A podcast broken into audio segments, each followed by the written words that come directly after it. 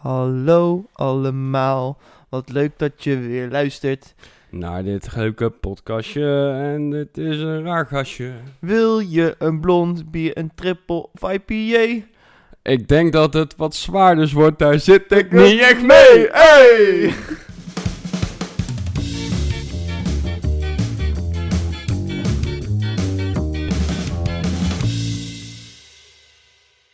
Hallo luisteraars en welkom bij de nieuwe aflevering van de Biervrienden podcast. Vandaag seizoen 4, aflevering 4, toch? Klopt, Hey, dubbel onthouden. 4. Eh, een aflevering die anders gaat zijn dan anders. We hebben vandaag namelijk eigenlijk alleen maar zes luisteraarsbieren. Want eh, zoals jullie kunnen weten, als jullie onze socials blijven volgen, dan hebben wij een bierpakket ontvangen van Björn. En ja, die gaan wij vandaag eens eh, proeven. Die gaan wij verorberen. Ik heb er heel veel zin in. Ik ook. Een eh, kleine disclaimer van tevoren. Ik ben nogal verkouden. Geen corona. Maar dat is gelukkig niet te horen, dus dat eh, valt allemaal wel mee. Dus als ik af en toe een keer wat eh, snotter of hoest, ja, dan komt dat gewoon daardoor. Maar het is ook wel weer leuk, want het past wel natuurlijk bij het weer. Het is november, lekker koud. Tenminste, het is november natuurlijk als de aflevering Als die online uitkomt. komt, ja. Maar het is oktober, dus dan mag het ook Het nog. is oktober, het wordt weer wat kouder, de dagen worden korter en de biertjes worden donkerder. Ja, heb jij je eerste herfstbokje al op? Ik heb toevallig gisteren, nu je dit zegt, eh, de Grols herfstbok eh, erbij gepakt. Ik heb hem ook ingecheckt op uh, Lekker. Untappd. Was weer natuurlijk zoals van ouds genieten. Eerste speciaal biertje zoals eh, jullie weten. Van ons allebei, geloof ik. Ja? Ja, toch? Ja. Dus eh, ja, dit, eh, dit was leuk. Lekker. Ja, fijn. Ja, ik heb hem een paar weken geleden al op, hè. Zoals je... Je had een fotootje gestuurd, Ja, ja. een fotootje doorgestuurd. Blijft, Maar- Dat blijft toch een leuk biertje. Het is niet, zeg maar, hè, we drinken hele bijzondere bieren eh, in en buiten de podcast. Maar toch, er is iets met die Grols herfstbok wat toch elke keer mij weer weet te prikkelen. Ja, het blijft gewoon een lekker en leuk biertje. En inderdaad een, een soort start van het eh, de herfstseizoen en het zware bierenseizoen.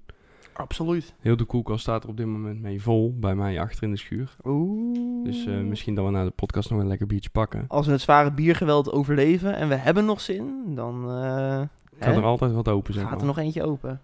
Maar eh, vandaag, ja, jij hebt het concept eigenlijk bedacht, hè, van hoe we dit gaan aanpakken. Dus Ja. neem mij maar mee.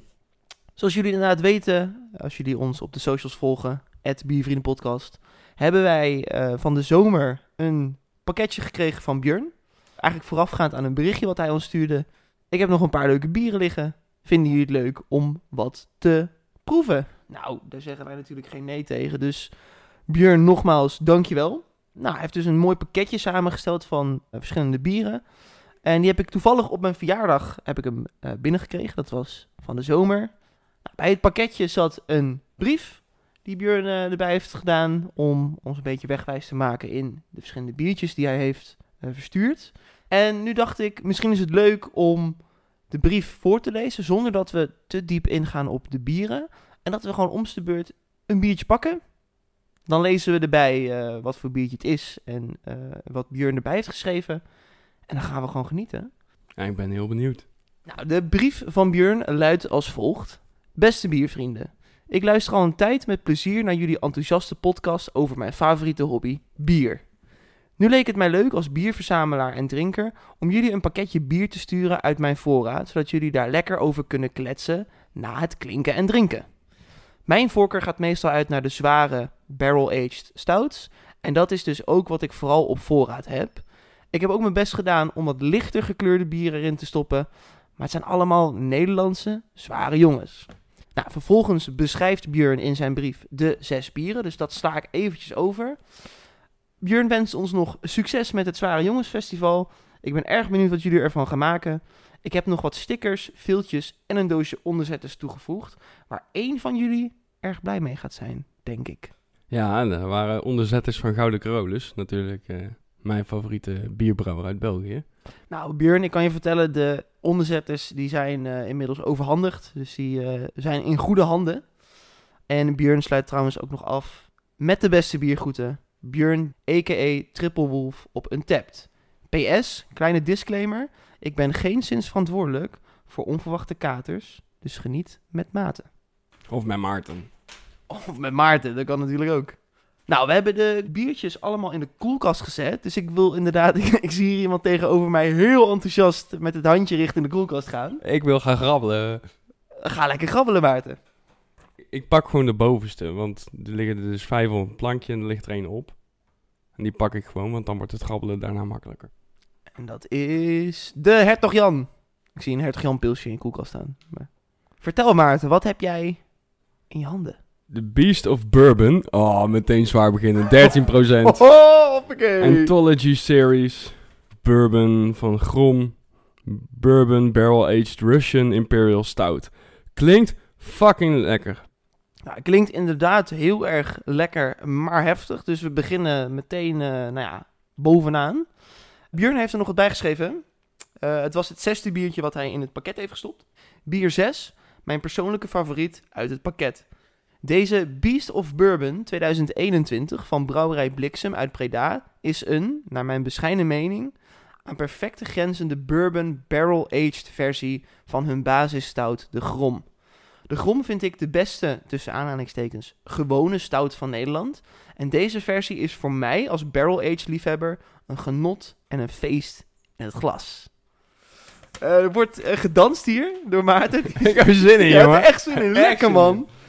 Ja, het is een uh, flesje met een, ja, een laagje kaarsvet, of zo, als ik dat, als ik ja, dat goed zie. Echt heel minimaal, hoor. Dat wel. Dus ik denk dat we moment gewoon een opener open krijgen. Niet dat je er eerst in moet gaan snijden, zeg maar. Nou, ik laat de, de eer aan jou. Oh, dat ging heel makkelijk.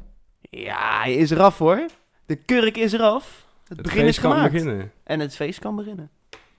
Nou, Tom. Ik eh, pak er eentje voor me. Helaas degene zonder schuimkraag. Ja, er was op een gegeven moment een moment dat in, tijdens het inschenken er ineens heel veel schuim kwam. Nou, die zit bij mij in het glas, maar die gaat ook al een stuk verder weg. Want Het zakt lekker in. Ja, wat je ook wel bij een Imperial Stout verwacht. We zeggen het vaker, dat verwachten we ook wel. Ik ruik hem trouwens hier al een beetje. Ik weet niet, jij bent verkouden. Ik weet niet of je dat ook hebt. Maar Jawel. ik ruik, hij, eh, er zit een behoorlijk geurtje aan. Ja, en de kleur. Als we meteen even doorgaan, hè, volgens ons vaste recept. Kijken, ruiken, proeven. Dan begin ik bij kijken. Ja, is eh, zwart. Nou, maar echt, echt zwart. Ik, ik kan er niet doorheen kijken. Gewoon echt niet. Onderin typische rode gloed. Ja, In het glas. Maar wel meer bruin heb ik het idee in het licht.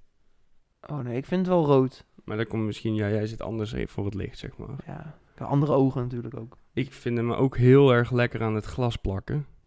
Ja, dat, bij jou, ik ga het bij mij niet doen, denk ik. Want bij jou zie je dat mooi aan het schuim nog. Ja, maar je ziet het ook aan die kringen die je dan op het glas krijgt, zeg maar. Ja, een lekkere plakkert. Heerlijk. Ja, daar, daar word ik enthousiast van. Ik hou van goede plak in een stout. Dus Ik vraag me af, want ik zag 13% op het flesje staan. Jij zei het net ook. In hoeverre die ook, zeg maar, naar 13% gaat smaken. Want ik heb wel vaker met stouts, vooral de zware stouts, eh, dat je denkt, oh, eh, 12, 13%. En je neemt een slok en je kan het net zo makkelijk wegdrinken als een, eh, een lekker licht IPA'tje. ja, daar doet de viscositeit meestal wel mee. Hè? Hoe plakkeriger, hoe dikker Ja. die is, hoe minder makkelijk je hem drinkt. Koolzuurtje, body, Ja. dat soort dingen. Dus, eh, eh, nou ja, laten we maar eens, het eens even gaan ruiken. Want ik wil eigenlijk wel snel gaan proeven. Ik ook. We hoeven een klein beetje dichter bij het glas, dan ruiken we hem al, denk ik. Er zit inderdaad een bourbon aan, maar ook iets gerookts of zo. Of geroosterd. Hmm, dat haal ik er niet uit. Vooral de bourbon en de alcohol ruik ik wel. Dat zijn voor mij de twee dingen die echt terugkomen. Ja, ik had toch een beetje die, die geroosterde broodtoets of zo eruit. Ik kan het niet echt anders beschrijven, maar misschien komt dat er straks wel mooi uit in de smaak. We gaan eh, even voor de, de eerste slok gaan we even proeven. Laten we dat gaan Nee. doen. Maar voordat we dat gaan doen, natuurlijk, zoals Björn ook schrijft, gaan wij klinken. En, En drinken.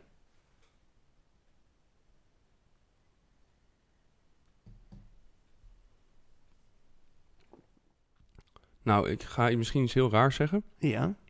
Voordat ik hem echt in mijn mond had, een beetje die, die apenkoppen Van die smaak. snoepjes. Ja. Ja. En een heel klein beetje komt het ook terug in de nasmaak, heb ik het idee. Nou, dan ga ik met die informatie nog een slokje nemen. Ik haalde dat er niet uit. Ik proefde voornamelijk eigenlijk wat ik ook rook. De alcohol natuurlijk en een beetje de vanille. Maar eerste indruk die ik krijg is dat ik de barrel aged eigenlijk misschien wel weinig vind terugkomen. Dus ik ga nog één keer goed proeven om te kijken of ik dat eruit kan halen. Al moet ik je er wel op wijzen dat bourbons vaak wel heel erg die vanille smaak hebben. Hè? Ja, nu ik hem wat langer in mijn mond heb gehouden. Of misschien is het wel gewoon de tweede slok, dat mijn smaakpapillen eraan gewend zijn. Veel meer dat scherpe randje van de stout, noem ik het even. Volle smaak. De vanille inderdaad van de bourbon vind ik wel redelijk overheersend. Maar hij heeft wel een bepaalde soepelheid. Ik zei net al, ik ben benieuwd hoe zwaar die gaat vallen. 13%. Maar ik vind hem verrassend soepel. Wat ik heel erg kan waarderen op dit moment. Björn, hartstikke bedankt, want het is echt een super lekker bier. In eerste instantie kwamen voor mij heel erg die bourbon toetsen naar voren. En dat vond ik wel jammer, omdat je juist wat meer die barrel eh, of die Russian Imperial Stout toetsen ook wil hebben, zeg maar. En voor mij kwam dat op een gegeven moment dus terug in de geur. Dat toch een beetje dat geroosterde er zat. En in de drop, apenkop, snoep. Eerste smaak, mondgevoel wat je ervan krijgt. Verder vind ik hem heel erg soepel in de mond. Eigenlijk schrikbarend soepel. Hij drinkt heel makkelijk weg. Daarna is hij heel brandend in de keel. Echt een branderig gevoel. Echt de alcoholsmaak komt naar voren. En dan blijft er een heel droog mondgevoel achter. Echt een hele droge tong. Als je hem door de mond laat gaan, dan heb ik wel het idee dat aan de binnenkant van je wangen en zo, zeg maar, echt een beetje een plaklaag zicht. Maar ja, het is wel uh, een opdrogend biertje in de mond. De geroosterdheid die ik in de geur had, die komt niet terug in de smaak. En waar ik altijd een beetje moeite mee heb met de bourbon, barrel-aged bieren, is dat bourbon vaak heel erg overheerst. En dat doet verder niet zoveel met het bier. Dus het bier wordt warmer. Daarvoor hoop je al helemaal met barrel-aged bieren dat het meer met het bier gaat doen. En dat doet het niet. De eerste slok is bijna hetzelfde als de laatste, laatste slok. Uh, er zit alleen een beetje een temperatuursverschil in. Ik vind hem wel heel erg lekker. Uh, de vanilletoetsen uit de bourbon komen goed naar, vo naar voren. Uh, toch nog ergens een beetje eer aan de Russian Imperial Stout. Ja, ik zat zelf in hun tapcijfers, denk ik in eerste instantie altijd aan een 3,75 te denken. Dus zit je op een 7,5. Ik wil hem iets meer credits geven, dus een 7,7. Lekker. Nou, leuk om te zien, Maarten, dat we denk ik redelijk op één lijn zitten. Ik heb een beetje meegeschreven met wat jij net allemaal uh, benoemde. Um, ik had ook als eerste woord opgeschreven bourbon. Die uh, kwam voor mij zowel in de geur dan wat meer in de vanille-achtige kant. Maar vooral in de smaak was dat ook het eerste wat mij raakte. Uh, in combinatie eigenlijk met uh, de alcohol. Het is een erg verwarmend biertje. Daarbij vind ik hem inderdaad ook heel erg soepel. wat jij net ook al zei. Hij ligt heel lekker in de mond. Hij plakt een beetje. Ik had ook vrij snel een soort van coating in mijn mond komt denk ik redelijk overeen ook met uh, het, het, uiterlijk van het bier. Want we zeiden net al, hè, hij plakt aan je glas. Dat doet hij eigenlijk ook in je mond. Hij is zoet, heb ik opgeschreven. Echt een, een ja, toch wel een zoete kou. Ik heb niet de associatie met drop of apenkoppen, zoals jij dat uh, zo stellig zei. Maar vooral zoet, wat ik dan toch link aan de, de vanille. Ik vind hem ook niet rokerig. Dat, dat zei jij volgens mij voordat het biertje In dronken. geur. In de geur inderdaad, dat je hem wat, wat rokerig vond. Nou, dat heb ik eigenlijk niet. En waar ik het dan misschien wat minder mee eens ben, is dat ik wel vind dat er een verandering in het biertje zit. Hoewel die wel heel erg licht is. En dat ik een paar slokken op had, begon ik iets van een houttoets te proeven. Heel licht. Die werd eigenlijk wel steeds wat sterker. Dus eerste slok had ik dat totaal niet. En ja, toen, zeker toen ik op de helft was, dacht ik, oh, ik proef iets van dat hout. Wat hem voor mij heel erg leuk maakt. Ik heb eigenlijk niet zoveel aandacht besteed aan um, de afdronk. Dus of die opdrogend is. Maar... Nou, laat ik het zo zeggen. Ik heb een hele droge tong nou, voor mijn gevoel.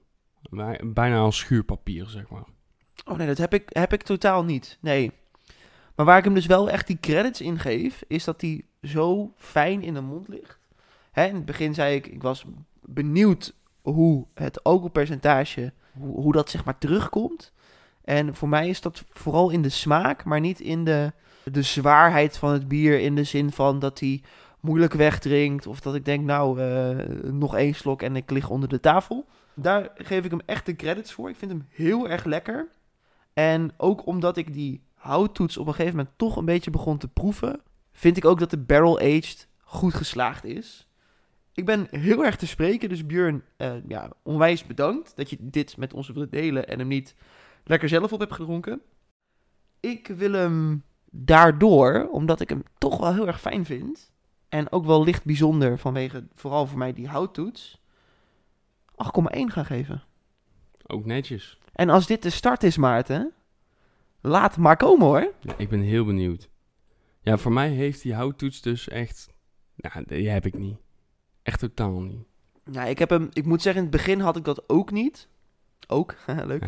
Maar ja, inderdaad, wat ik zei, naarmate je begon te drinken, naarmate je zeg maar slokje 4 en 5 in je mond had, toen dacht ik wel, oh, nu, nu snap ik hem wel of zo. Nu, kan- nu proef ik hem. Ja, ik heb wel, misschien is dat ook wel. Ik heb altijd wel het idee dat zo'n zo'n houttoets heel erg aan de tong blijft kleven, zeg maar.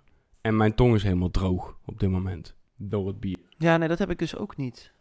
Ook niet. Ja, nee, nou, nou is het grapje gemaakt, Maarten. Maar waar we het wel over eens zijn, Het is lekker. lekker. wat zei je? Vreks lekker. Ik dacht, omdat ik door je heen praat, dacht ik, ik zei, ja, vreselijk. ik dacht, nou, ga eens heel gauw je mond spoelen. Over eh, mondspoelen gesproken. Ik ehm, ga het laatste slokje door mijn keel spoelen.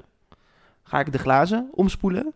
En dan is het aan mij om biertje 2 te gaan pakken.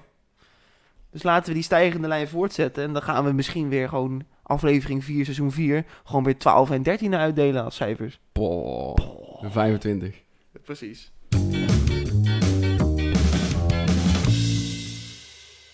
Nou Tom, de glazen zijn weer omgespoeld. De waterglazen zijn gevuld. Jij hebt een biertje gepakt en ik heb het briefje van Björn voor mij liggen. Dus eh, vertel, wat heb je uit het pakket gehaald? Ja, ik heb een hele leuke uit het pakketje gepakt. Ik heb blind gepakt. Blind? Daily. De- ja, nee, het biertje heet niet blind. Maar het is, ehm, zoals je misschien kan zien, een biertje zonder denderend etiket. Maar er staat wel iets eh, bijzonders op. Björn heeft dit etiket er namelijk zelf opgeplakt. En er staat bier, dubbele punt, XP3 Extreme Coffee Stout van de Argentum Brouwerij. Die zijn gestopt. En Björn heeft nog op het etiketje gezet. Je kunt hem inchecken eh, als je zoekt op XP3 en tussen haakjes Argentum Brouwerij in Italië. Oh, heel dus als vet. het goed is, moet dat genoeg handvatten geven voor jou om Om hem in te checken op een tab. en om te lezen wat Björn er verder nog in de brief Ja. heeft gezet. Dit is eh, volgens hem bier 3. Wij pakken hem als eh, het tweede biertje. Is de XP3 Extreme Coffee Stout van brouwerij Argentum. Deze brouwerij is gestopt en heeft de hele voorraad van de hand gedaan. Een goede anderhalf jaar geleden. Waaronder deze. Eh, geen idee wat het alcoholpercentage is. Ik gok een 8 à 9 procent. Of hoe oud deze is. Maar gelukkig blijven deze zware bieren, mits goed opgeslagen, een hele lange tijd goed. Zelfs als dit de THT-datum zou overschrijden. Ja, precies. Dat is wat Björn erover zegt. Dat is toch bijzonder. Maar ook hoe vet, Björn, dat je hier ook achter komt. Ik zou hier dus zelf... Ja, ik zou het horen dan als het allemaal weg is, zeg maar. Dan is iemand die Ja, zegt, en dus- oh, heb je dat gehoord? Zou ik heel vet vinden. En dan inderdaad gewoon, Ja. ah, ik kan er nooit meer aankomen. Ja, ik zou zeggen, laten we hem gewoon even erbij pakken. Eh, vooral- Mag ik even kijken? Want Oh ja, tuurlijk mag je even kijken. ik heb hem dus nog niet echt gezien. Inderdaad, een, een leuk etiket van... eh, een leuk etiket. Een wit sticker. Maar wel mooi zelf. geplakt. Ja, grijs zilveren kroonkurk. Ziet er gewoon mooi uit als een mooi flesje. Ik denk wel, als ik dit zo voel... Ja. dat we misschien alvast iets uit de koelkast moeten gaan halen. Misschien is het een idee dat jij nu vast het volgende biertje d- klaarzet. trekt. Ja, dat lijkt me goed, want ze, ze worden, ze worden Ze koud. worden, ze worden cool, de koelkast doet zijn werk. Daar Eh, heb je hem voor, toch? Precies. Heerlijk. Niet zoals ze hier in Brabant zeggen, de ijskast. Want dat is een Nee, vriezer. dat, daar kunnen we het ook even over hebben. Laten we daar even bij stilstaan, want dat vind ik zoiets raars. IJskast? Ja, dat is een vriezer. Dat is een vriezer, ja. Ja, dat vind ik ook. Hoe noemen ze dan vriezer? Koelkast. In Bra- ik- ik dat noemen ze de niet. vriezer. Ja, ik snap het ook niet. Ik heb er een tyfushekel aan. Of Ik corrigeer vorstbak ze. of zo, weet je. Dat Ja. is heel doms. Nou ja, goed. Sorry alle mensen die uit eh, Brabant komen. En, eh, nee, trouwens, daar ga ik niks Nee, over zeggen. nee, Nee, is sorry. gewoon dom. Nee, het spijt me. Dus taalbarrière. Maar leuk dat je luistert en fijn dat je van bier houdt. Laten we ik het daarover eens zijn. Maar het gaat grabbelen. Moet niet zeggen wat het is, hè. Dat wil ik dan wel... Hé, maar Tom, eh, jouw bier, dus jij mag hem openen. Ja, dan wil ik wel graag de opener van jou. Oh joh. Dat is dus wat ik bedoelde met, ik moet misschien even tussendoor een keer flink hoesten. Nou Maarten, er vielen mij een paar dingetjes op. Nee, dit zeggen we altijd. Ik ga het even iets anders zeggen. hey, eh, leuk. Ja, ja, lekker. Ah, dus volgens mij is dit een biertje. Nee. Een beetje gelet op het eh, inschenken van dit biertje, denk ik dat dit er eentje is die zijn naam eer aandoet. Want mij vielen er eigenlijk twee dingen op. Zeker als ik hem ga vergelijken met de Beast Bourbon die we hiervoor hadden. Dat zijn eh, de viscositeit. We hadden het net over, hij plakt. Nou, deze plakt nog even een eh, tandje meer. En hij heeft een hele bijzondere, soort van bijna bruin-zwart infused schuimkraagkleurtje. Ik heb een donker oranje opgeschreven. Donker oranje. Ja, het- in, voor mij was het, toen er veel schuimkraag op zag, zat, was het echt oranje zowat. Het valt mij ook op dat hij lekker aan het glas blijft plakken. En de vorige die plakt aan het glas en dan zag je wat kringen erop staan. Ja, maar zeg hoe plakt En deze dan, joh? Hier, hier slaat het glas gewoon bruin van aan, zeg maar. Zullen we even gaan kijken of we wat kunnen ruiken aan dit bier? Want net als bij de Beast Bourbon ruik ik al licht iets van een afstandje. Hoe gaat dat zijn als ik mijn neus erin ga dopen? Echt, echt koffiebitter. Zo. Echt koffiebitter. Maar er zit ook een bepaalde soort van gerooktheid in. Nou, geroosterd dan. Van de koffie. De koffie is ook geroosterd, hè? Ja, maar als je echt een hele diepe snif neemt, dan vind ik, het, het, het prikt iets, zeg maar. Ik weet dan niet, nou, is het geroosterd, is het, is het eh, eh, ja, ik associeer gerookt? dat met, met, met koffie en dan een beetje de geroosterde koffie, zeg maar. ja. Vind, dit vind ik dus niet gerookt. Dit vind ik echt meer geroosterd. Zullen we eens kijken of die net zo lekker klinkt als zijn voorganger? Zullen we eens doen. Gaan we ouderwets klinken. En, drinken.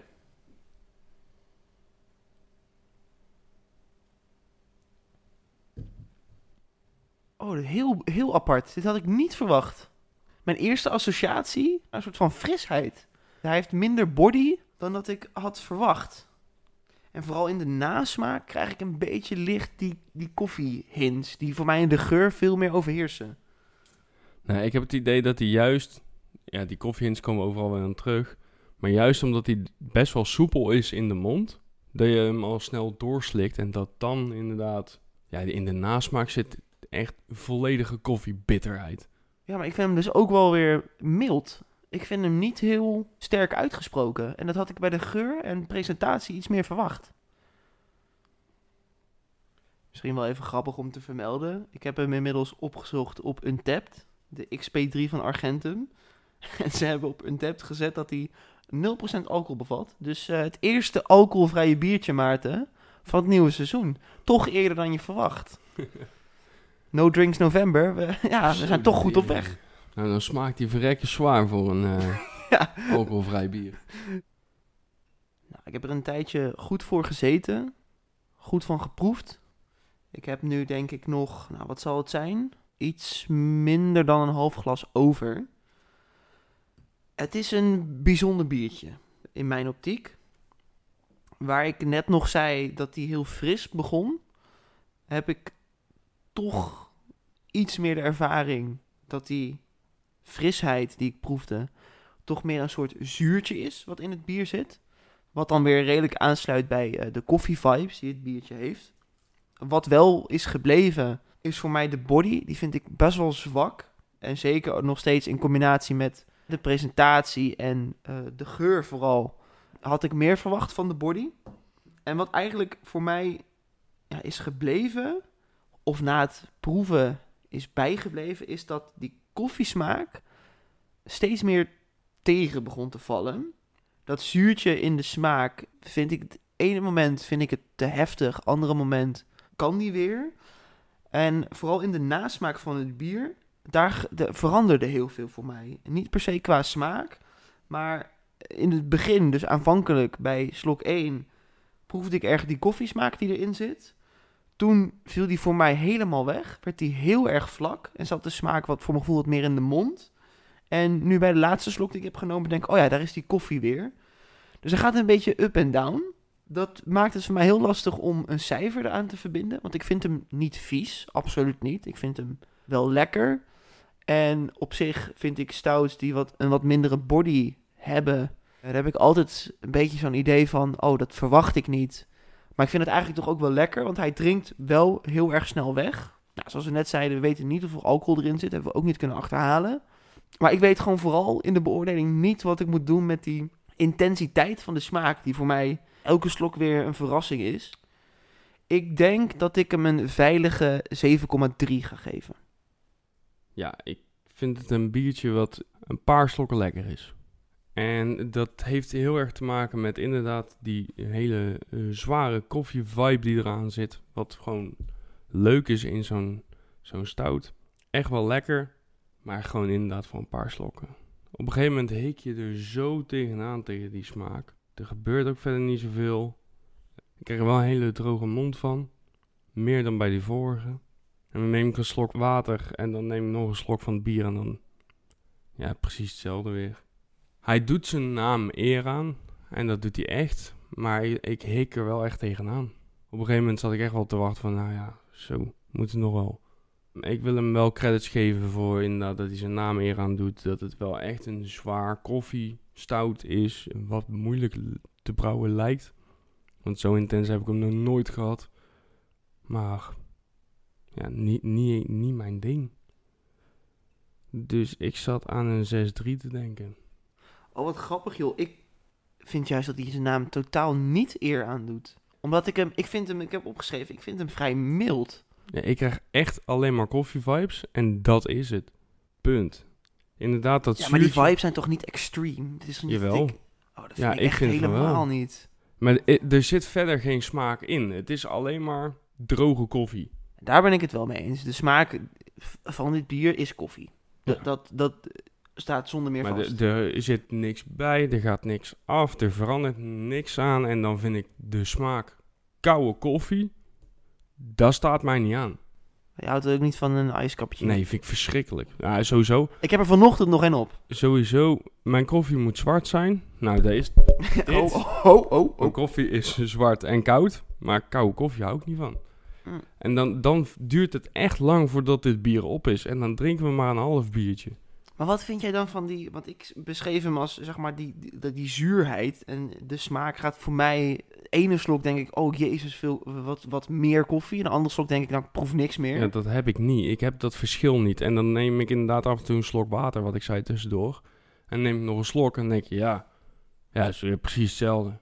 Het is voor mij van het begin tot het eind precies hetzelfde biertje wat ik drink. En daarom is hij na drie slokken echt heel saai. En dan wil, moet ik hem inderdaad de credits geven voor het bier wat het is. En dat hij die coffee vibe zo goed aanstipt, zeg maar. Maar ik zou dit zelf nooit meer kopen. Nou, gelukkig kan dat ook niet meer, want ze Nee. zijn gestopt. Nee, maar dit is wel echt, ja, Vloek of een zegen? Jij vindt het dan een, eh, misschien wel iets meer een zegen. Ik zie ook nu trouwens, als ik naar de glazen kijk. Ik heb hem, eh, nou, eh, Bijna leeg. Op. Jij niet? Nee. Ja, dat is bij mij echt wel een teken. Als ik iets lekker vind, dan gaat er hartstikke snel doorheen. En als ik iets minder lekker vind, dan ben ik echt zo iemand die met lange tanden kan eten, zeg maar. Nou, even door de zure appel heen bijten. Dan gaan we zo biertje nummer drie alweer lekker pakken. We gaan lekker, man. Ik eh, vind dit heel erg leuk. Ik vind het ook wel heel erg Ik gaaf. vind het echt leuk. Eh, nogmaals, jij gaat waarschijnlijk nog Bier tien bedankt. keer zeggen. En zeker als er maar hoe meer alcohol erin gaat. Maar ja, fantastisch. Fantastisch.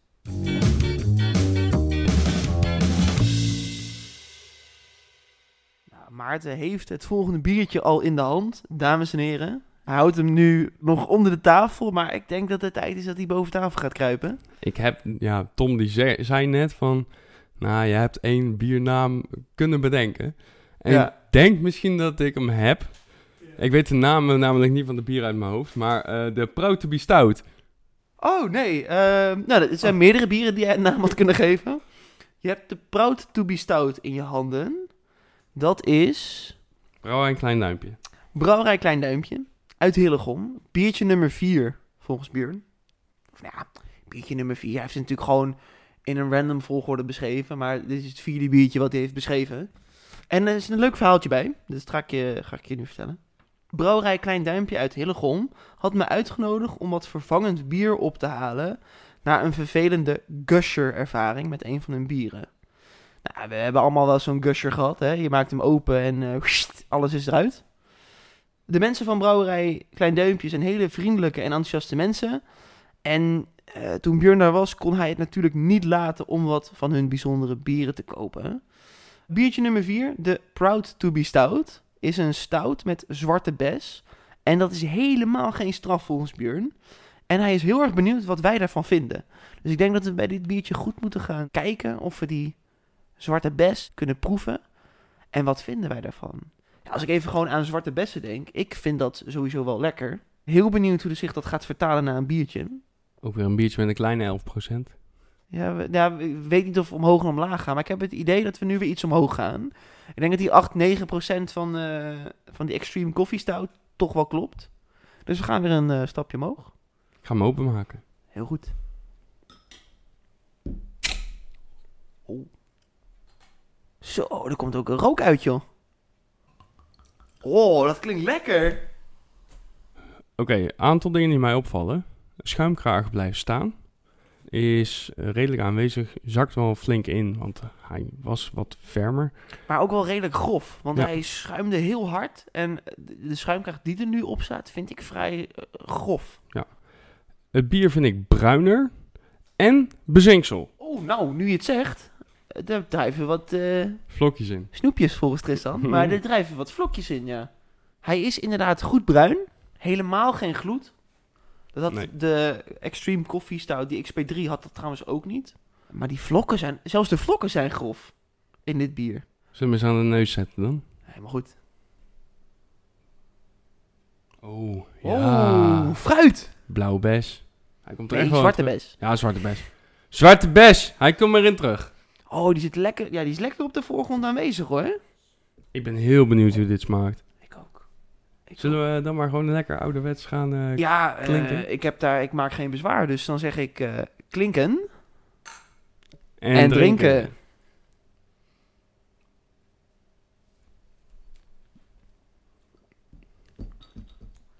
Oh. Mijn eerste indruk is lekker fruitig in de mond. De nasmaak en de aftronk vind ik best wel zuur. Die fruitigheid komt voor mij inderdaad ook sterk naar voren. Zowel in geur als smaak. Dat is het eerste wat je zeg maar raakt. En ik weet niet of het komt omdat we er al eh, hè, twee op hebben. Maar voor mij verandert die smaak naar een soort... Ik heb het idee, laat ik het zo zeggen, dat de stout smaak, zeg maar een, een typische classic stout, eh, dat dat de nasmaak heel erg is. Dus dat hij begint, nou ja, bijna, nou, dat kan ik natuurlijk niet zeggen, maar bijna eh, nou, fruitig, IPA-achtig, zeg maar. Heel in het begin. En de nasmaak is ineens gewoon typisch classic stout, waarbij dat fruit helemaal verdwenen is. Dat Ik gevoel vind, krijg ik ik. vind dat wel dat dat wat dieper in de keel zit, zeg maar. In de mond heb je nog steeds die, die bijna kassensprikkeling, zeg maar. En achter in de keel heb je inderdaad een beetje die, die stout beleving.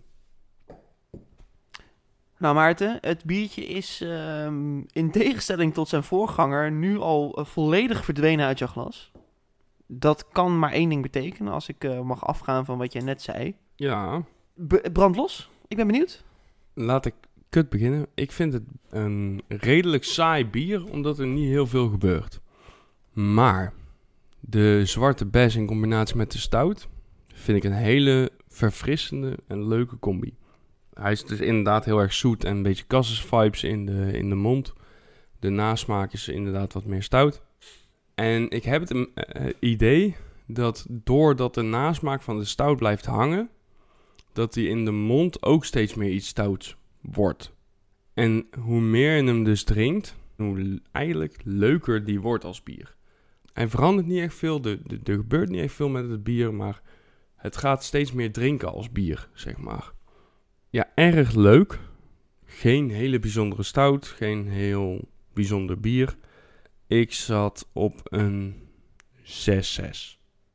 Nou Maarten, wat je zojuist hebt gezegd, heb ik precies zo opgeschreven.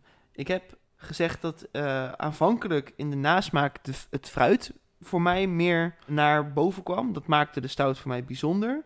Maar toen ik wat meer slokjes op had, heb ik opgeschreven... de stout komt steeds meer voor in de mond. En hij kruipt als het ware een beetje vanuit je, waar die eerst zat in je keel...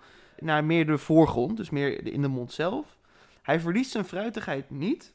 En wat ik dus ook een verdienste vond, is dat het bier inderdaad doet wat het zegt. Het is een stout met zwarte bes. Heel erg lekker. Waar ik het met jou mee eens ben, er gebeurt verder ja, op zich niet veel. Behalve dat die stoutsmaak die je aanvankelijk misschien wat minder had door die overweldigende zwarte besmaak, die komt iets meer terug. Dat maakt hem naar mijn mening ook echt wel wat sterker. Ik vind dus inderdaad de combinatie zwarte bes met stout fantastisch. Echt lekker. Ik ga hem wel iets hoger geven, omdat ik hem eigenlijk gewoon heel lekker vind. En misschien qua ontwikkeling is het inderdaad wat jij zegt, misschien wat, wat saaier. Maar ik vind toch wel. Ik weet niet of het komt omdat ik, dat, ja, ik ben gewoon heel blij en heel vrolijk. En ik vind het allemaal heel lekker. 7,4 tikt die voor mij ook wel aan hoor. Ja, waar die voor mij dus, omdat hij in eerste instantie niet zo stout is, zeg maar, krijgt hij wat minpunten. En ik vind de combinatie heel erg lekker, maar op een gegeven moment ook wel een soort van saai. Maar vind je dan juist niet, want dat is hoe ik het dan ervaar. Ik denk eerst van, oh, veel fruit. En ik zei volgens mij ook, het had bijna een IPA'tje kunnen zijn. Echt, echt puur die eerste ervaring, zeg maar die eerste seconde. Mhm.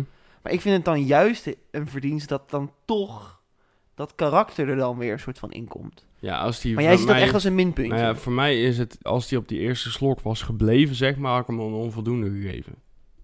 Want dan had ik het gewoon kasses gevonden en geen bier. Ja, maar dat is toch juist wat we... Ik zou dan zeggen, dat is juist... Het, het, want we hebben het heel vaak over, hè, die, die beleving, dat het verandert. ik dat vind- vinden wij vet. Maar ik vind hem verder dus niet zo bijzonder.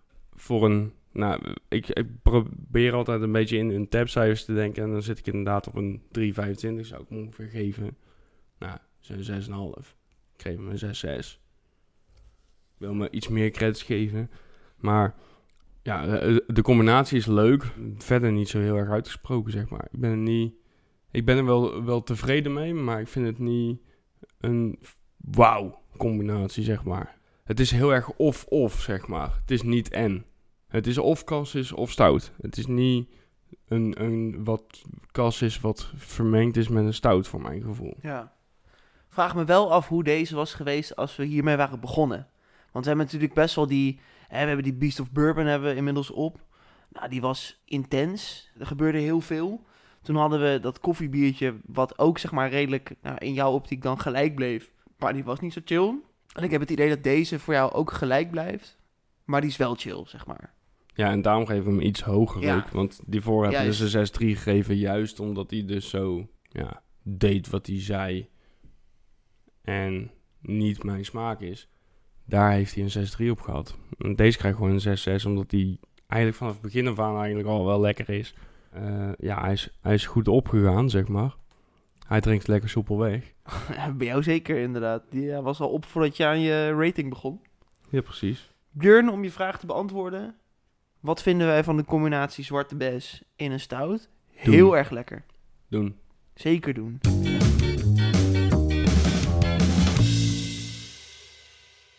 Inmiddels zijn we helaas op de helft van het tot nu toe prachtige pakketje van Björn. Het is weer aan mij om eh, een flesje te gaan trekken. Dus bij deze Maarten, we hebben nog drie opties. Ik ga er eentje pakken. Laten we snel gaan kijken wat het gaat worden. Een biertje. dat sowieso. Hey, de motherfucker. ja, het is hem hoor. Ik heb een biertje voor me waar een soort konijntje op staat. Met de naam die Maarten zelf hoogstpersoonlijk had kunnen verzinnen. De Naughty Badass Motherfucker. Een prima doordrinkbare stout van 8,5% waar ik een doos van heb besteld bij de brouwer, die ik via het spel Ingress heb ontmoet. Joep van brouwerij Thomas Teut en ik hebben nog steeds contact en hij brengt binnenkort zijn derde bier op de markt. Persoonlijk ben ik groot fan van deze stout, dus ik dacht, dat mag niet ontbreken in dit proefpakket. Dat is wat Björn Leuk. erover zegt. Een erg persoonlijk biertje. Ja, met een eh, nogal eh, persoonlijke boodschap naar ons. Ja, want wij zijn ook wel een beetje on- twee ondeugende jongens. Zal ik hem gaan inschenken, Maarten? Ja, graag. Eén, tweeën.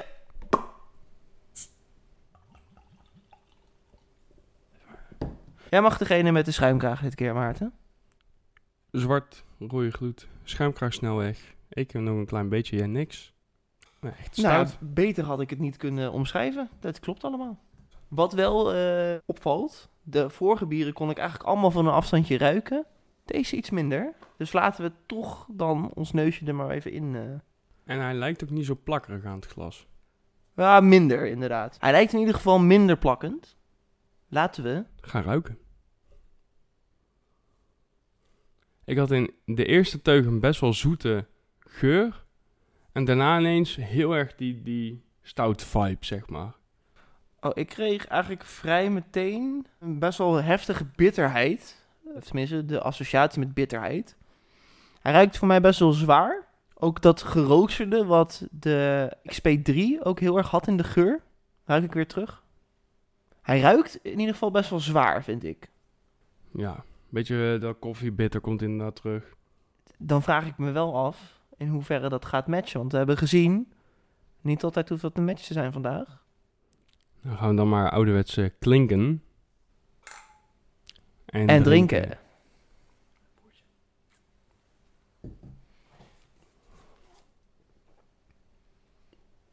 Ik zie jou flink pennen. Ja, gewoon, eh, er staat niet veel hoor, maar... In de eerste slok had ik best wel een heftige kick die erin zat. Eh, ik denk dat dat een beetje een bitterheid is. Maar mijn eerste indruk van dit biertje is dat die zwaarheid toch misschien wat gaat afzwakken. Ik vind hem vooral heel bitter. En in die nasmaak zitten voor mij juist die, wat we in de geur ook zeiden, of tenminste wat ik in de geur zei, die geroosterde toetsen. Die blijven voor mij een beetje in mijn keel hangen. En in de mond zelf vind ik hem toch ook wel wat aan de zware kant. Maar ik kan nog niet zo heel goed specifieke smaken duiden. Ik heb eerst opgeschreven bitter, daarna een kleine lichte roost en een bittere, zure nasmaak. En in de lange nasmaak heb ik die roost weer. En dat doet voor mij heel erg pieken en dalen, zeg maar. Want dat bittere en dat bittere zure, daar hou ik niet zo van. Dus het is, hij begint heel bitter, dat is eigenlijk een dal. En dan de lichte roost denk ik, oh ja, dat is toch wel weer lekker. Dan komt die hele bittere, zure nasmaak, dat ik echt denk, "Gwah, moet ik dit helemaal op gaan drinken? En dan komt die roost weer En dan terug. komt daarna die Ja. roost weer naar voren. En dan denk ik, oh, dat is wel weer lekker. Ja, nee, ik denk dat ik wat dat betreft redelijk op een lijn eh, met je zit. Maar ik ben wel benieuwd hoe deze zich gaat ontwikkelen eigenlijk. Ik ook. Ik moet zeggen, Maarten, ik heb een paar slokken inmiddels op. Van de Naughty Badass Motherfucker. Motherfucker, sorry, moet ik wel zeggen. Ik word er niet heel blij van. Dat is een beetje wat me bekruipt. Ik vind dat, de, dat er naast de, de, de, de bitterheid en de zuurheid... zit er niks. Als ik een slok neem, dan proef ik aanvankelijk... eh, wat ik net ook al zei, dat bittere. Waarvan ik ook moet zeggen dat het wat meer naar het zure gaat neigen. Dat associeer ik dan met koffie. Dat is eigenlijk vooral de eerste, ja, het eerste moment dat het biertje in mijn eh, mond zit. Hoe langer ik hem in mijn mond hou, hoe vlakker die wordt. Naast dat die initiële bitterheid en zuurheid is het voor mij niet zoveel. En pas als je hem dan weer doorslikt, dus dat je die nasmaak gaat eh, beleven, ja, dan is het voor mij een beetje wat geroosterd. Alhoewel het heel erg wordt afgezwakt. Hij wordt eigenlijk, als ik heel eerlijk ben, steeds minder fijn.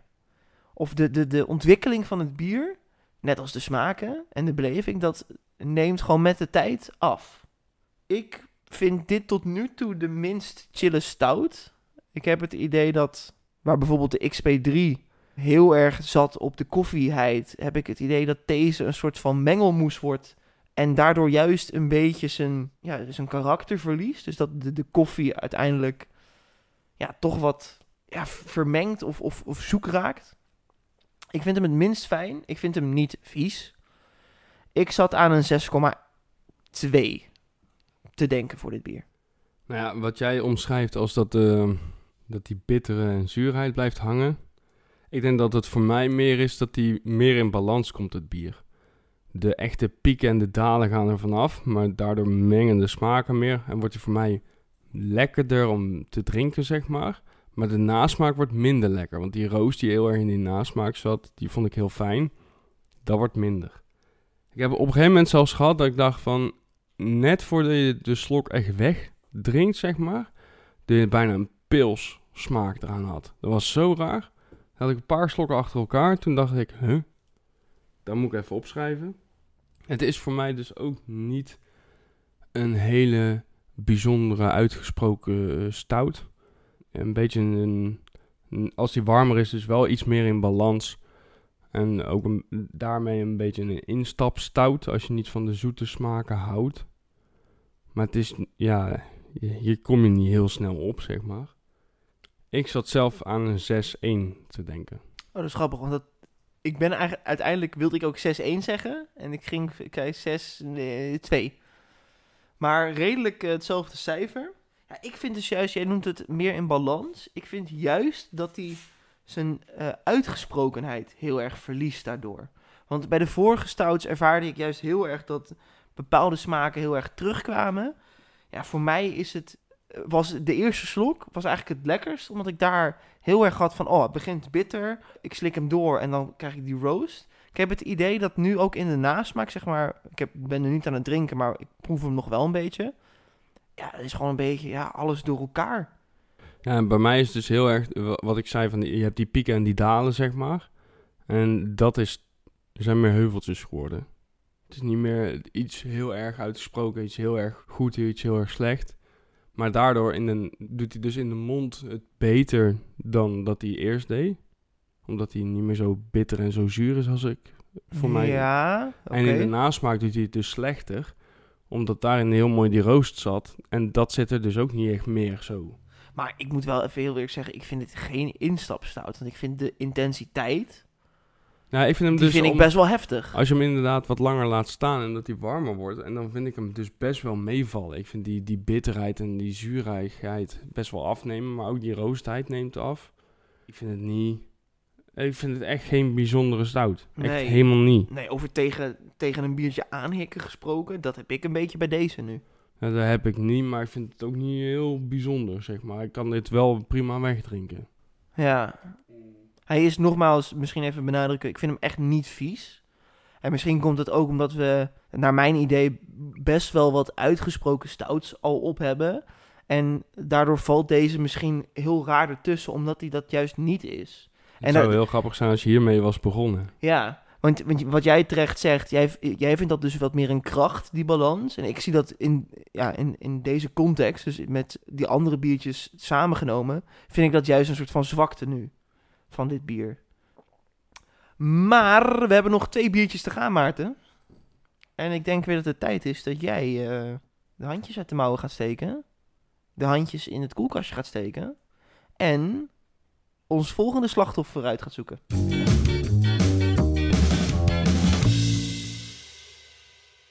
Nou ja, ik heb dus heel erg zin in wat er nu nog over is. Want dat zijn dus een quadruppel en een gerstwijn. Nou, eh, ik heb nu dus de eh Bronkhorster Quad di Bolla. Een quadruppel van Mitra Slijterij Het Pleintje. Dus het zal wel een, een samenwerking zijn van de Mitra en de, de brouwerij Bronkhorster. zijn. Zal ik jou er wat meer over vertellen van wat Ja, ik onze vriend heel- Björn daarover Ik heeft ben wel gezegd? heel benieuwd. want Bronkhorster is wel echt goed, Hele goede brouwerij. Ja. Ik ben daar dus eh, ooit, eh, ik heb mijn scriptie daar gedaan in die gemeente.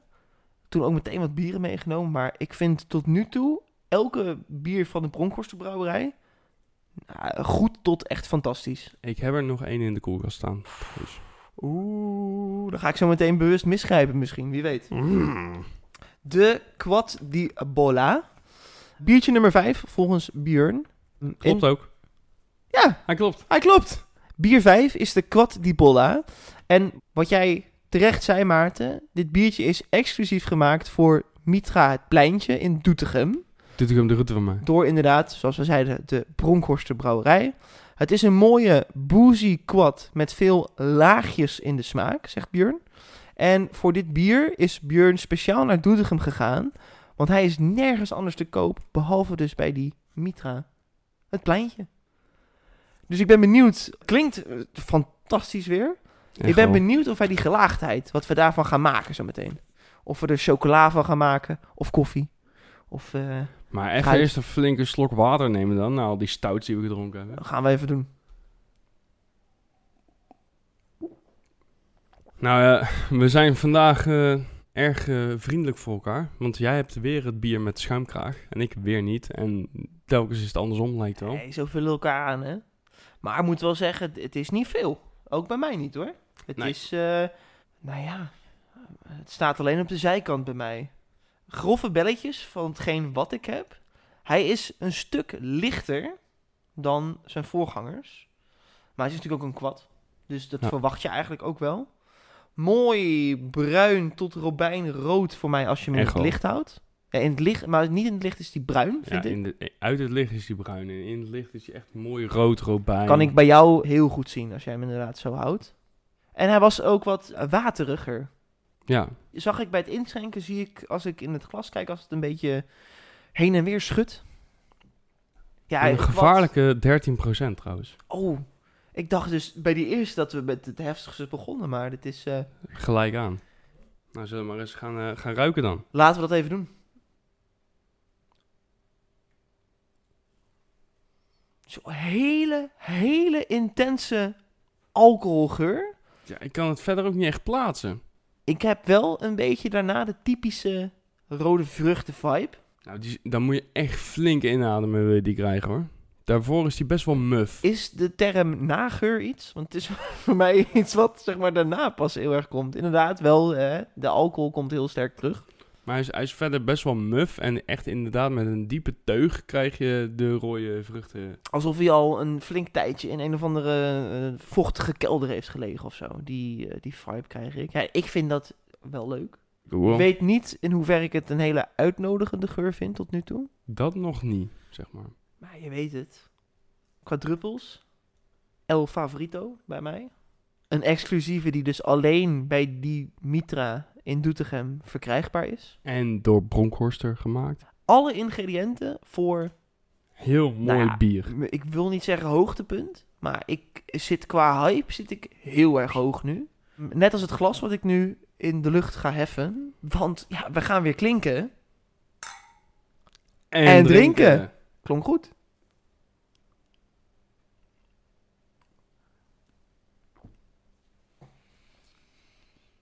Nou, de eerste smaakbeleving is eh, dat muffe wat in de geur zit, dat zit eerst voorop in de smaak. Dan krijg ik een zoete gedroogde fruit vibe. En die appt heel mooi na in de nasmaak. Daarna komt echt de, de boost van, de- van het rode fruit, zeg maar. Dan vind ik in op de lange nasmaak, zeg maar, vind ik hem, komt die alcohol weer heel erg naar voren. Eh, in de, in eh, het ademen daarna, dat je gewoon voelt van, ah, ik ben echt lekker zwaar wat iets aan het drinken. Oh, dat is grappig, want ik heb dat dan iets minder. Het eerste wat mij opviel was dat, die, dat ik hem soepeler vond dan de geur. De geur vond ik vrij intens. De smaakbeleving van het bier vond ik iets milder.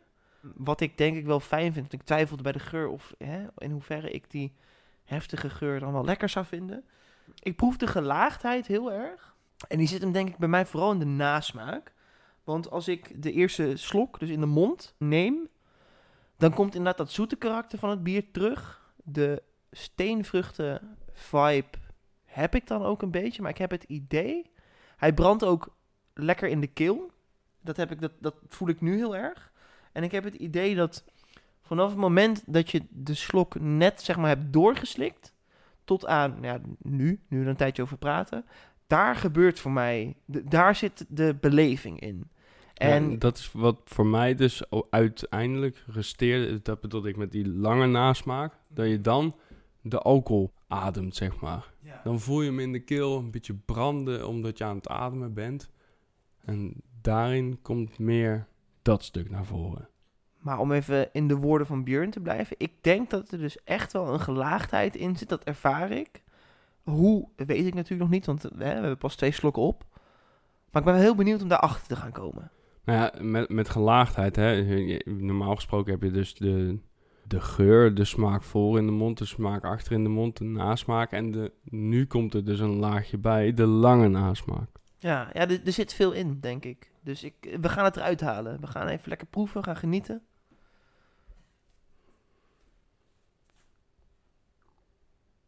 Ja, ik heb iets gevonden. Want ik had op een gegeven moment een beetje een soort eikenhouten smaak in mijn mond. Een soort houtsmaak. Ik denk, in, de, in die naademing denk ik, nou, er zit iets meer in. Het lijkt wel een soort gelaagdheid van een vat gerijpt. De Quad di Bolla is een smaakvolle quadruppel gelagerd op Amarone vaten van Wijnhuis Bola. Ah, dus hij is ook nog eens barrel-aged. Ja. Eh, Ik had aanvankelijk dus niet heel erg de eh, houtgerijptheid, nog steeds niet. Ik haal het er misschien wat minder uit. Ik zie het trouwens nu wel op het plaatje, nu je dit zegt. Ja. Nee, ik, ik, heb, ik ervaar dat in ieder geval iets minder. Maar fijn dat het jou helpt natuurlijk om je gelaagdheid eh, te formuleren. Nou, ik vond het wel heel grappig, want ik, ik bedacht het me. En toen dacht ik, nou, ik zou het flesje er eens bij pakken. En echt, ik pakte hem zo. En als je hem zo pakt, is het eerste wat daar bovenaan staat... precies hetgene wat ik ervaarde. Toen dacht ik, nou, 1 plus 1 is 8. Ik ken niet rekenen, ik ben dyscalculectisch, maar... het is calculectisch, ja. Ja, en ook iets met taal. Ja, leuk. Oeh, ik moet hier wel even, Maarten, ik moet even de tijd nemen om dit goed onder woorden te gaan brengen voor zometeen.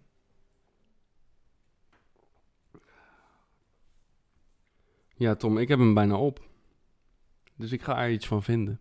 Vind ik een hele rare soort van voorwaarde. Van je moet hem bijna op hebben, dan mag je er pas iets van vinden. Maar desalniettemin ben ik benieuwd wat je ervan vindt. Dus brand los. Nou, ik vind hem dus best wel lekker. Waar we zeiden, hè, de eh, rode gedroogde vruchten, smaak komt er heel erg in terug. Eh, wat ik op een gegeven moment opmerkte was een, soort houtsmaak slash vatgerijpt idee. Wat dus zo bleek te zijn. Ik heb trouwens even opgezocht hè, wat de Amarone is. En zo'n een wijn. Gewoon Amazone met een R. Eigenlijk. Nou, het is een wijn. Maar de kenmerken: de Amarone is een granaatrode wijn met een volle, fluweelzachte smaak. En een aroma van rijp fruit, zwarte kersen en frambozen. Nou, rijp fruit haal ik eruit. Frambozen en zwarte kersen niet echt. In oudere wijnen zit ook hints van muskus en teer. Nou ja, muskus. Ik, had, er- ik zei eerst muf. Wat is muskus? Even voor, ik, eh, het heb ik nog nooit hoe- gehoord. hoe Muskusrat, dat wel. ja, maar hoe, hoe kun je dat... wat is muskus? Mucus is slijm in het Engels. Dus het, eh, mijn brein gaat alle kanten op. Een sterk ruikende afscheiding uit geurklier van muskushert. Maar ja, dan weet je nog niet wat het is. Wat? Ja. Maar ik, een muskus, eh, ja, ik, ik- ik heb het wel eens... Ik associeer dat nu een beetje met, met dat muffen een beetje wat eraan zit, zeg maar. En dan is het verder gewoon een zware wijn van 14 tot 17 procent. Nou, dat is wat ik er even over vond op Wikipedia. Ja, voor mij komt dus wel echt dat, dat vatgerijpte naar boven. eh, de, dat muskus, dat, de rode gedroogde fruit. Ik vind hem wel heel erg lekker en ik vind hem dus heel veel doen. Ik vind de geur apart. Ik vind de, de smaak voor in de mond heel minimaal aanwezig, laat maar zeggen. Achter op de tong komen er echt de smaken pas naar voren. In de nasmaak zit echt, een, echt heel erg die, die rode fruit. In de lange nasmaak komt dat, dat alcohol, eh, hout idee naar voren. Ja, ik vind hem een hele mooie lagen hebben. Ik vind het een heel mooi bier. Ik vind hem ook echt lekker. Ik ben echt blij mee. Ja, ik ga, ik ga hem het hoogst geven van vandaag. Ik ga opschrijven een 8.2. Ik vind hem echt heel lekker. Ja. Maar ja, daar kan ik me grotendeels bij aansluiten, want ik vind hem ook heel erg lekker. Om zo goed mogelijk die gelaagdheid te kunnen beschrijven, heb ik eigenlijk in mijn beleving drie stapjes opgeschreven. Dat is het stapje hoe die in de mond is, het moment dat ik hem doorslik en de nasmaak, waarbij inderdaad ook die lange nasmaak, wat jij zegt, daar heb ik ook een beetje geprobeerd goed naar te kunnen kijken. Die gelaagdheid zit er echt in. En misschien op voorhand goed om te zeggen, elke slok voor mij, die is toch wel weer anders. Je kunt je op bepaalde elementen focussen in dit bier. Dan haal je dat eruit in de slok. Leg je weer wat nadruk bijvoorbeeld op de nasmaak, want hè, zo ben ik ook een beetje gaan proeven. Dan ging ik me heel erg focussen op hoe die in de mond is. Dan op vanaf het moment dat ik hem doorslikte en dan ehm, wat meer op de nasmaak. Ja, dan is het eigenlijk elke keer een soort ander biertje. Dat vind ik heel erg leuk. In de mond heeft hij een soort van lichte plak. Eh, vooral het moment dat hij je lippen raakt en net je mond ingaat, dan plakt hij een beetje. Is hij ook lekker zoet. En voor mij komt daar ook al een beetje de alcohol. Ja, het vervliegt een beetje wel in mijn mond, maar dat, dat komt er wel in terug. Op het moment dat ik hem doorslik, dan komt de fruitige kant van het bier naar boven. De steenvruchten waar we het over hebben gehad, de rode vruchten, die proef ik dan. En er was ook een moment dat ik een beetje een karamelachtige vibe kreeg. Ik weet niet of dat dan in combinatie is met die plak. Maar eh, ik heb het opgeschreven, want er was een moment dat ik dacht, oh ja, karamel. En het mooie van de, de smaak vind ik dat vanaf het moment dat je hem doorslikt, is die smaak heel sterk. Hij ebt weg dan in de nasmaak en die, ja, die, die verandert dan eigenlijk een beetje met het biertje mee. Hij prikkelde op sommige momenten een beetje op mijn tong. Ik heb opgeschreven gebrand, maar dat is niet het goede woord. Maar wat ik daarmee bedoel is dat hij ja, lekker op de tong prikkelt. Ook je alcohol komt weer terug, maar hij is niet te overheersend. Dat is misschien wel iets belangrijks wat ik wil benadrukken. Hij is 13%, hebben we net gezegd. Je proeft dat er veel alcohol in zit, maar hij overheerst niet. En dat vind ik heel knap. Ik kan hier zo nog drie uur over lullen, want er gebeurt heel veel.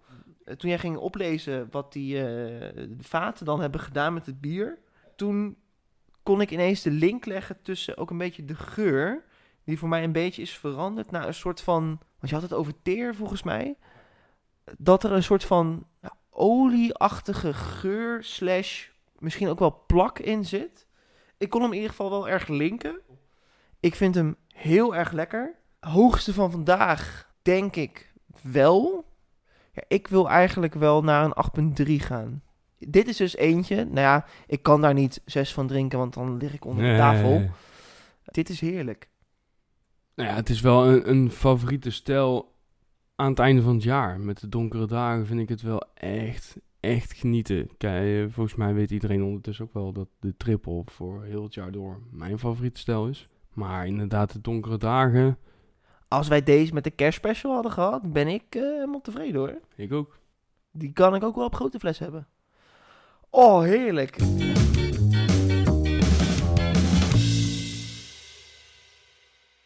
Hebben nog één biertje te gaan. Dat is eh, ons allen wel bekend, denk ik, de Hertog Jan Grand Prestige. We hebben van Björn een flesje uit eh, 2020 gekregen. Oeh, lekker. En deze heeft, zoals alle zesde bieren in dit pakket, al een langere tijd in zijn kelder gewoond. Gezien wij regelmatig eh, terugkerende rijping aan de discussie leggen, zeg maar. Zeker. Ja, leek dit ook een mooie voor hem. Met daarnaast dus eentje uit eh, 2022. Nou hebben wij ondertussen, toen wij bezig waren met de opname, hebben we de hond even uitgelaten. En hebben we nog een flesje gehaald bij de Albertijn. Yes, dus die tip, eh, Björn, hebben we te harte genomen. We hebben inderdaad dus ook een, nou ja, een recent flesje. En het leek ons leuk om voornamelijk, want hè, terugkerende discussie. Wat doet die rijping met die smaak? En het leek ons leuk om ons voornamelijk daarop te gaan focussen. Ja, dus het idee is niet dat wij gaan benoemen wat we zien, ruiken en proeven. Ja, misschien wel ruiken en proeven bij de twee biertjes, maar zien is niet zo heel erg belangrijk, want ik denk dat de meeste mensen de Hertog Grand Prestige wel kennen. Het gaat voornamelijk inderdaad om... De verschillen tussen Juist, de twee bieren. juist. Dus we willen ons voornamelijk gaan focussen op wat is nou het verschil tussen 2020 en 2022. om qua- die vraag te kunnen beantwoorden, heeft die rijping wat gedaan? En wat heeft hij dan gedaan? En is wat? dat positief of negatief? Misschien is het leuk om ook even te gaan kijken, want hè, in 2020 hebben we sowieso de Grand Prix een keer op. Wat we er toen van vonden. Op ons Untappy. Ik denk niet dat ik die heb ingecheckt. Ah, ik wel. Dus ik ga hem even opzoeken. Oh, ik heb hem zelfs vijf keer ingecheckt, de 2020 editie. Ik associeer dit biertje voornamelijk met het einde van het jaar. Maar aan mijn incheckgedrag te zien, is dat eigenlijk helemaal niet zo. Ik heb hem op 28 april voor het eerst op. Toen een keer in mei. toen nog een keer in mei. In juli, hè, buiten het seizoen drinken. En, ja, daar komt hij. 22 augustus was de laatste keer dat ik hem heb ingecheckt. Dus eigenlijk helemaal niet in het najaar. Nou, wat vind ik ervan? Ik heb hem de eerste keer een 3,75 gegeven. En daarna eigenlijk een 4. Dus rond de 8. Nou, dat haalt hij wel. Ik heb gezegd dat het een verwarmend biertje is. Je proeft die alcoholwarmte, hè, die ebt een beetje na. Moutig. Er zit ook wel wat van een fruitig karakter in. En ik heb de zwarte bes hierbij specifiek benoemd. Kan ook soms wat wrang zijn. Hij plakt een beetje op je tanden. Karamel heb ik wel eens gezegd. Er zitten veel smaken in, is misschien mijn algehele conclusie. Nou, wat ik nog wel kan herinneren van jou is dat jij zei over de 2021 editie. Ja. Dat je die heel waterig vond voor een Hertog Jan Grand Prestige. Dus de 2020 variant was een stuk plakkeriger of viscozer in jouw beleving dan die van 2021. Ja, wat jij zegt klopt inderdaad exact. Ik heb deze ook lager ingecheckt, de 21 editie. Omdat ik dus wat meer van die body had verwacht. Dus wat de 2020 editie heel sterk had, hè, die eh, complexiteit aan smaken die ik net beschreef. Ja, dat miste ik in de 2021 editie. De 2022 editie heb ik naar mijn weten nog niet op. Ja, ik dus wel. Dus ik ben benieuwd. Maar wa- wat vond jij er dan van, van die Ja, 2022? ik heb hem dus geproefd naast het proeven van de bonbons uit de voorproefeditie voor de Hertog Jan Grand Prestige Vatgerijp 2022 editie. Waardoor je veel meer op wat doet het met de bonbons let in plaats van op het bier. Dus je gaat er ook redelijk Ik- blanco ja. in. Ik heb er leuk. niet heel veel herinnering aan. Ja, wat ik dus heel erg heb met de Hertog Jan Grand Prestige, de normale variant, is dat hij nooit hoger dan een 3,5 scoort op een tap voor mij. Ik vind hem niet heel bijzonder, ik vind hem niet heel uitgesproken. Ik vind hem wel lekker, maar daar is het dan ook. Mijn voorstel is om 2022 eerst te openen, te ruiken, proeven, kleine slok. Om daarna de 2020 daarnaast te proeven, aangezien die langer staat. Dus er iets meer gebeurd zou moeten zijn met het bier. Ik vind dat een goed idee. Ik zou zeggen, schenk ze in. En dat we ze uiteindelijk natuurlijk wel naast elkaar kunnen zetten. Dat is natuurlijk het doel. Maar dat we inderdaad gewoon beginnen puur met de 2022.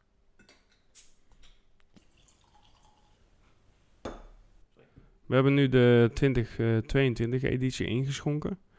Ja, wat mij betreft is gewoon de, de typische robijnrode kleur van de Hertog. Precies. Dit, eh, geen schuimkraagje meer. Hij staat al een Vrij tijdje. snel weg. De kracht zit hem denk ik in het proeven. Laten we eerst Sla- gaan ruiken. Ja, vooruit dan. Ja, ik vind hem dus Mout. altijd heel erg bananig. Ja, snap ik wel. Ik ruik vooral eh, heel erg de mout. Ja, ook ja. Ik snap wat jij zegt met banaan. Ik, ik voel die ook wel een beetje. Maar Terwijl ik hem nooit zo zou associëren met, zeg maar, als je vraagt, hey, hoe ruikt een eh Grand Prestige? ja, bij mij Zou ik nooit dat- zeggen banaan. Bij mij is dat 1 plus 1. Maar banaan, moutig. Laten we maar gaan klinken. Ga met die banaan. Klinken. Klinken. En, En drinken. drinken.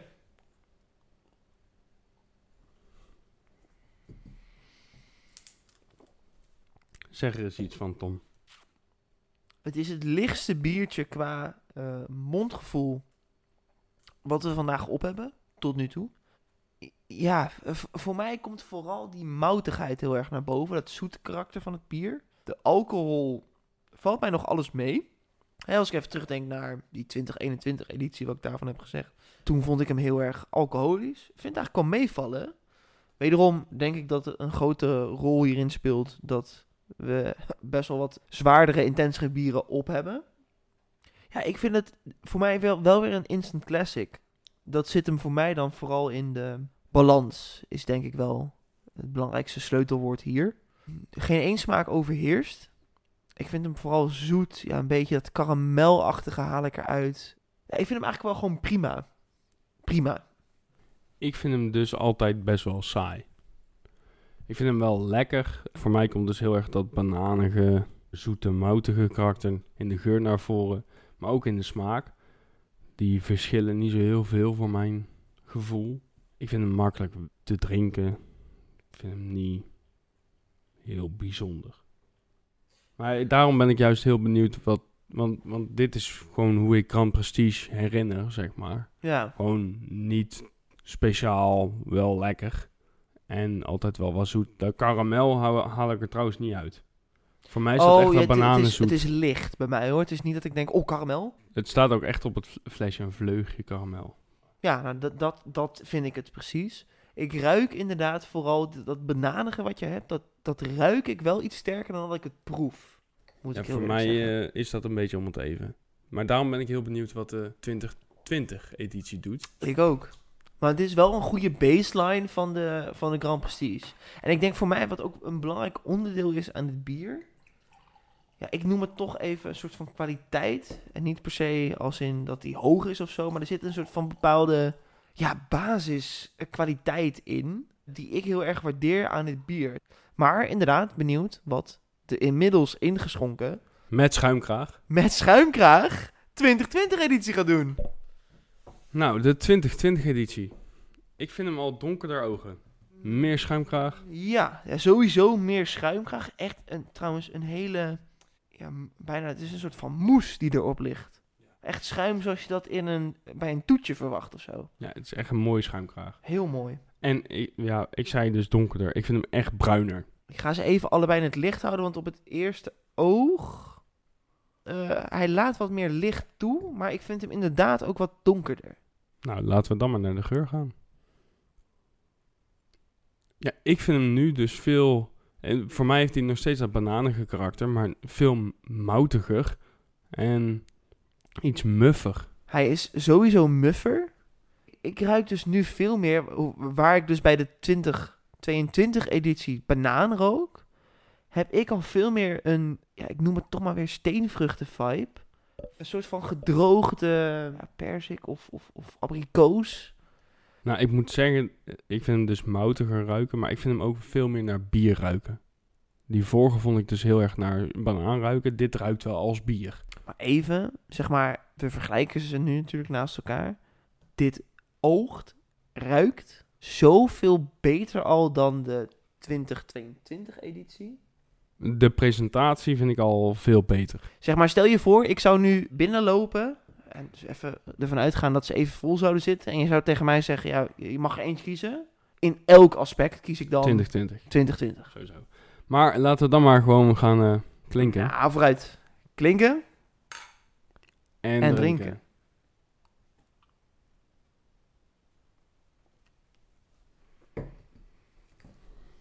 Ja, dit is meer bier.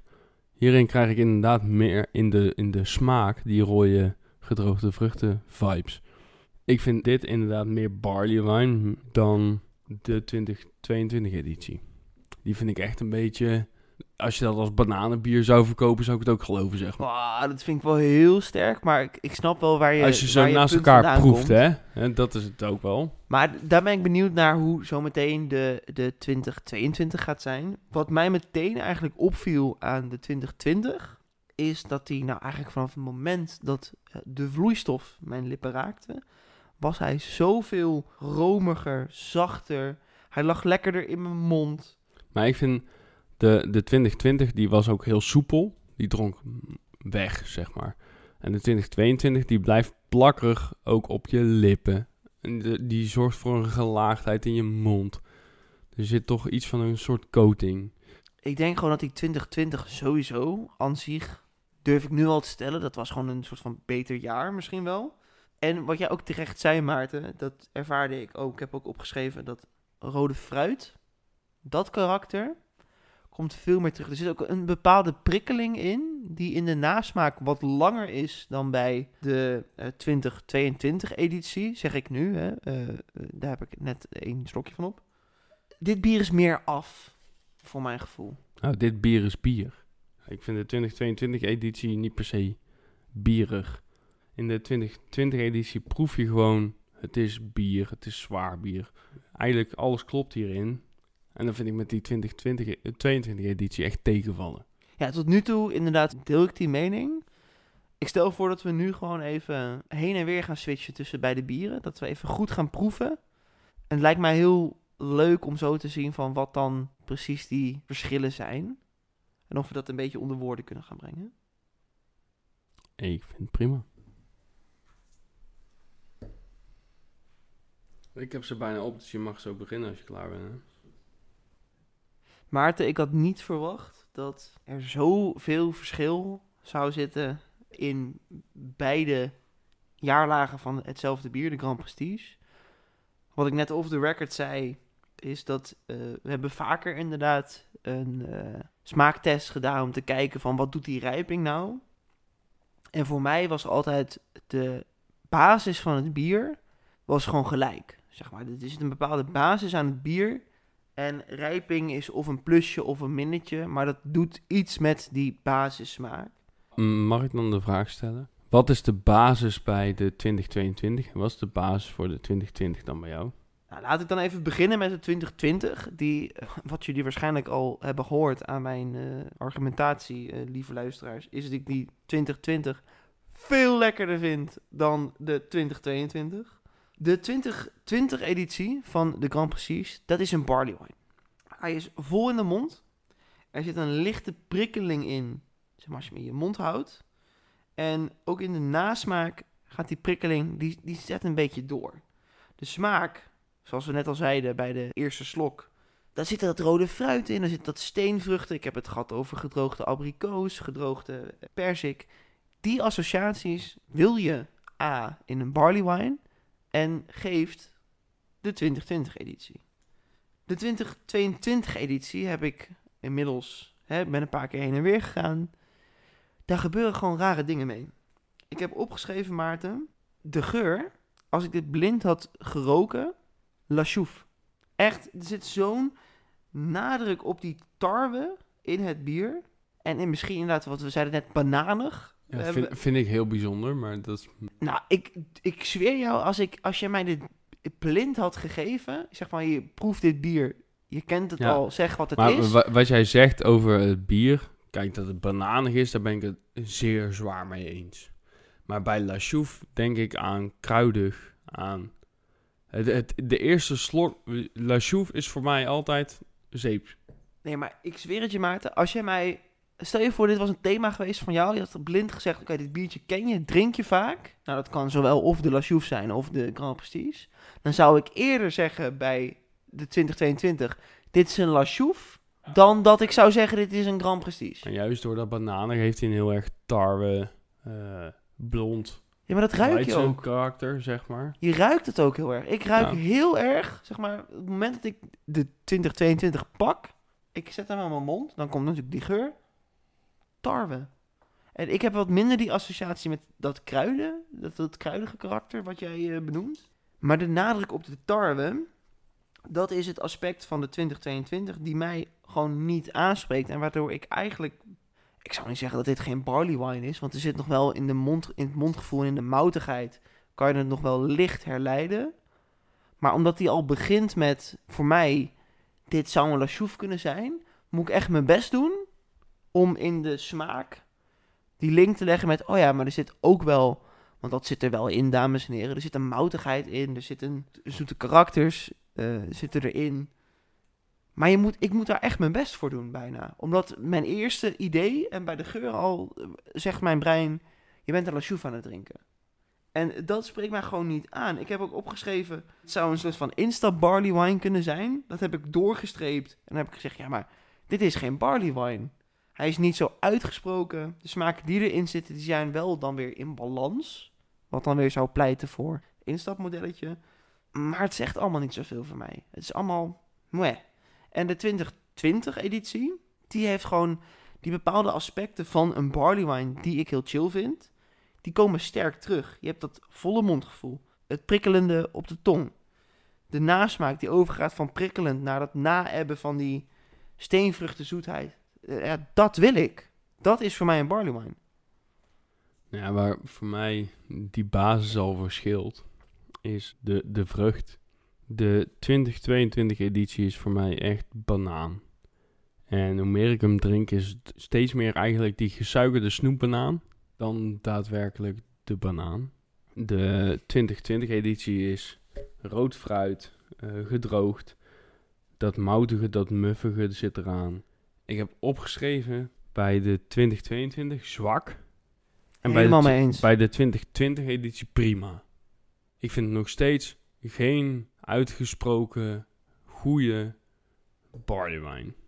Maar dat komt denk ik ook een beetje, want we hebben, hè, we hebben net de Quadribola op. Ja, maar dat ja, is, dat, dat is fantastisch. Tom, voor mij is de Hertog Jan Grand Prestige nooit een uitgesproken goede barley wine geweest. Nee, nooit. Dat, nou, ben ik, ben ik inderdaad deels met je eens. Dus prima voor de 2020 editie is goed, hè? De 2020 editie zou voor mij de 3,5 op een tap krijgen. Wat ik ongeveer maximaal aan een Grand Prestige zou Ja. geven. Nee, dat, ik, dat, ik, snap, ik snap je redenatie ook helemaal. Hè? Dat- Dus dat- De 2022 editie, ja, ben ik niet echt over te spreken.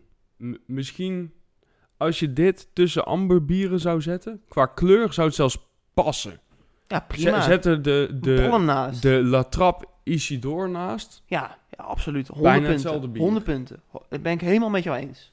Nee, maar dan zijn we, dan zijn we uitgesproken. De 2022 editie. Ja, nou, wat doet Rijping met een bier?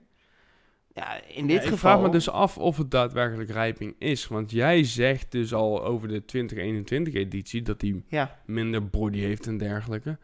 Maar ik vind het dus qua bier in kleur, in mondgevoel, in schuimkraag, in geur, in smaak, niks matcht. Helemaal niks. Nou, als, als ik kijk, zeg maar even, hè, we hebben net gekeken hoe ik dat heb ingecheckt op dat moment. Nul rijping. Ik ben zo veel positiever over de 2020-editie al. En bij 2021 zei ik al van, oh, ik had er meer van verwacht. Hè? Terugdenkend aan de 2020-editie. Daar zat meer body aan, meer smaak. En voor mij was het nu gewoon alcohol en mout. Die lijn, die redenatie zou ik bijna kunnen doortrekken naar de 2022. Ik word helemaal opgefokt. Ik, ik, het ging Ik zo, ik ben aan zo opgefokt. Ik weet niet waarom ook. Het is gewoon gezellig. Het zijn alle twee ook losstaand prima lekkere bieren. Maar ik had gewoon niet verwacht, en dat meen ik serieus, dat er zo'n heftig verschil zat tussen beide bieren. En ik heb bijna het idee nu alsof ik gewoon twee totaal verschillende bieren aan het drinken ben. Dat is letterlijk wat je ook zei in de, in de, de wachttijd, zeg maar. Oké, laten we gewoon een flesje Hertog Jan Grand Prestige 2022 koud leggen. Of ja, apart leggen. En die over twee jaar open trekken. En dan kijken we dan wel. Ja, Misschien ik- ik- krijg je dan wel precies hetzelfde over de Misschien wel. 2022 en de En dan, dan ben ik 2024. heel benieuwd, afgaande van wat ik nu heb gedronken, denk ik, nou, hij is eigenlijk best wel moi. En als ik dat dan teruglees over twee jaar, ben ik benieuwd hoe erg die moi kan veranderen naar een, lekker, weet je wel? Hé, maar Tom, ga het eens anders bekijken. Het kan alleen maar meevallen. Je hebt nu vijf fantastische bieren op. Een Hertog Jan Grand Prestige die twee jaar heeft gelegen. En deze. Kan alleen maar meevallen. Misschien denk je wel, oh, ja, het is toch best prima, maar minder uitgesproken dan dat ik had gewild. Ja, ben ik met je eens. Wat een reis hebben we gemaakt vandaag. Björn, echt hartstikke bedankt. Dat was echt super tof. De, kwaliteit van de bieren die we vandaag hebben gedronken, die lag zo hoog. Enige mi- minpunt was het biertje wat we zelf hebben gekocht vandaag. Ja, minpunt is misschien ook heel zwaar gewogen. Maar ja, Björn, dit waren echt fantastische bieren. Het was een super leuke reis die we gemaakt hebben. En ik denk dat we allebei lekker even aan de fris gaan. Even een beetje nuchter worden. Jullie hartstikke bedankt voor het luisteren. Je kan ons vinden op de social media, Facebook, Instagram. Mail ons. Kijk op Untapped wat we doen. Laat ons vooral weten wat jullie willen dat wij gaan drinken. We hebben nog steeds ruimte op ons rad van avontuur. Dus de- denk je nou van ja, maar die jongens eh, die moeten misschien wel dit biertje een keer drinken. Laat het ons weten, want wij zetten hem op die lijst en we gaan hem proeven. En denk nou, nou, dat bier is echt tering duur, dat gaan ze nooit doen. Je kan je steentje bijdragen. We hebben nog steeds een backme.org. Laat ons weten dat je dat bier wilt drinken. Maak er geld over. Zeg van, hé hey jongens, dit is het. Wil je ons een biertje opsturen of een pakketje, net zoals onze biervriend Björn heeft gedaan, kan dat ook altijd. Laat het ons vooral even weten via de socials en dan regelen we dat. Wij zijn daar heel dankbaar voor. Wij hebben heel erg Wij nemen ook de tijd om daar zorgvuldige aandacht aan te besteden. En wij hebben gewoon genoten, inderdaad, Maarten. Laten we voor de laatste keer gaan eh, klinken. En drinken.